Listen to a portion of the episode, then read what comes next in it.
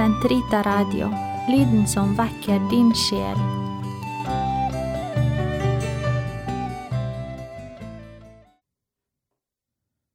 Sentrita Radio er både spent og takknemlig for at vi i dag starter opp en ny serie med navnet Den katolske kirkens katekisme på ett år. I denne serien, som varer fram til 30. april 2021, vil Ingunn hver dag gi oss fire til åtte minutter fra Den katolske kirkens katekisme. Boka er utgitt på St. Olav forlag, og leseplanen som blir brukt, er henta fra katolsk.no. Vi håper mange vil være med og bruke noen minutter hver dag på å bli bedre kjent med troen. Parallelt med denne serien går også serien Den katolske kirkes katekisme på Sant Rita Radio, hvor pater Erik Andreas går gjennom katekismen i form av spørsmål og svar. Begge seriene er tilgjengelige som egne podkaster og via hovedpodkasten til Sant Rita Radio. Den katolske kirkes katekisme på ett år. Innledning av den hellige pave Johannes Paul 2. Å bevare den tro som er gitt den i varetekt, slik er den sendelse Herren ga sin kirke, og som den lever etter til alle tider. Det annet økumeniske Vatikankonsil, som ble åpnet for 30 år siden av min forgjenger Johannes den 23., i salig ihukommelse, hadde til hensikt og ønsket å kaste lys over Kirkens apostoliske og pastorale sendelse, og å føre alle mennesker ved evangeliets sannhets strålende lys til å søke og lære å kjenne Kristi kjærlighet som overgår alt. Pave Johannes den 23. ga Kirkemøtet som dets fremste oppgave å ta bedre vare på og bedre utlegge den kristne tros skatt, slik at den skulle bli lettere tilgjengelig for Kristi troende og for alle mennesker av god vilje. Derfor skulle ikke konsilet først og fremst fordømme feiltagelser i tiden, men fremfor alt prøve å fremheve troslærens skjønnhet og styrke på verdig vis. Lyset som utgår fra dette konsil, sa han, kommer til å bli en kilde til åndelig berikelse for Kirken. Etter her å ha hentet ny kraft, kommer den til å se fremtiden i møte uten frykt. Det er med glede og uten frykt vi skal ta fatt på et arbeid som tiden gjør nødvendig, idet vi går videre på den vei Kirken nå har gått i nær 20 århundrer. Med Guds nådes hjelp maktet konsilfedrene i løpet av fire arbeidsår å utarbeide et betraktelig antall læremessige fremstillinger og pastorale direktiver til beste for hele kirken.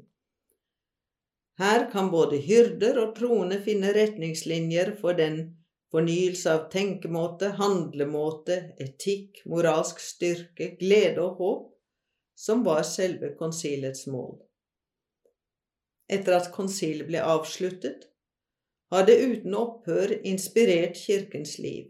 I 1985 kunne jeg si følgende For meg som fikk den særlige nåde å være til stede og ta aktivt del i arbeidet under Vatikanum II, har konsilet alltid vært, og er særlig nå under mitt pontifikat, en stadig referanseramme for min pastorale aktivitet idet jeg bevisst bestrever meg på å sette dets retningslinjer ut i livet på en konkret og trofast måte, både i lokalkirkene og i kirken som helhet. Vi må uavlatelig vende tilbake til denne kilde. Det var i denne ånd jeg den 25. januar 1985 sammenkalte bispesynoden til ekstraordinært møte i anledning 20-årsdagen for konsilets avslutning.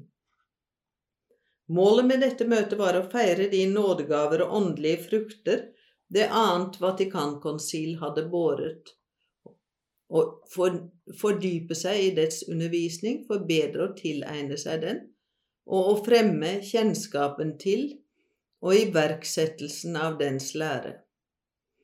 Ved denne anledning ytret synodefedrene ønske om at det måtte utarbeides en katekisme eller et kompendium over hele den katolske lære om tro, moral og moral, som kunne tjene som referansetekst for de katekismer eller fremstillinger av troen som blir forfattet i de enkelte land.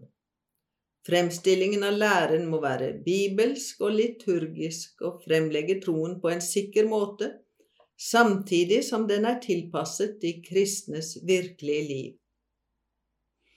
Allerede ved synodens avslutning gjorde jeg dens ønske til mitt, idet jeg anså at det svarer helt til et virkelig behov både i kirken som helhet og i de enkelte lokalkirker. Hvordan skulle man kunne unnlate å takke Herren av hele sitt hjerte på en dag som denne, da vi kan skjenke hele kirken under navn av Den katolske kirkes katekisme, denne referansetekst for en trosundervisning som er fornyet ved troens livgivende kilder. I kjølvannet av den liturgiske fornyelse, av nye utgaver av kirkeretten for den latinske kirke, og de nye kanones for de orientalske kirker, kommer denne katekisme til å yte et meget viktig bidrag til den fornyelse av alt kirkelig liv som det annet Vatikankonsil ønsket og satte i verk. Gangen i forberedelsen av teksten og tanken bak. Den katolske kirkes katekisme er frukten av et meget bredt samarbeid den har modnet i løpet av seks års arbeid, preget av våken åpenhet og varmhjertet iver.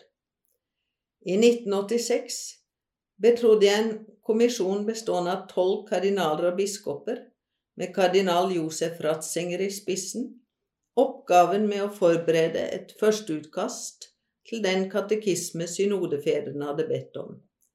En redaksjonskomité bestående av tolv bispedømmebiskoper, alle eksperter i teologi og katekese, bisto kommisjonen i arbeidet. Kommisjonen, som hadde til oppgave å trekke opp retningslinjene og følge gangen i arbeidet, fulgte nøye med i redaksjonsprosessen i de ni på hverandre følgende versjoner. Redaksjonskomiteen på sin side overtok ansvaret for å forfatte selve teksten, ta inn de modifikasjoner kommisjonen ba om, og gå gjennom bemerkninger fra teologer, eksegeter, kateketer og fremfor alt biskoper over hele verden for å gjøre teksten bedre. Komiteen har virket som et forum for berikende og fruktbare meningsutvekslinger med henblikk på å få en så enhetlig og samstemt tekst som mulig. Prosjektet har vært gjenstand for en utstrakt konsultasjon blant alle katolske biskoper, biske, bispekonferanser eller synoder, teologiske og kateketiske institutter. I det store og hele ble det vel mottatt av episkopatet. Man har lov til å si at denne katekisme er frukten av et samarbeide mellom alle den katolske kirkes biskoper som med raushet har svart på min oppfordring til å ta sin del av ansvaret for et initiativ som i de grader angår Kirkens liv. Gjenklangen gleder meg dypt, for så mange stemmers samstemmighet uttrykker i sannhet det man kan kalle troens symfoni eller samklang. Gjennomføringen av en slik katekisme gjenspeiler derfor episkopatets kollegiale natur. Den vitner om kirkens katolisitet.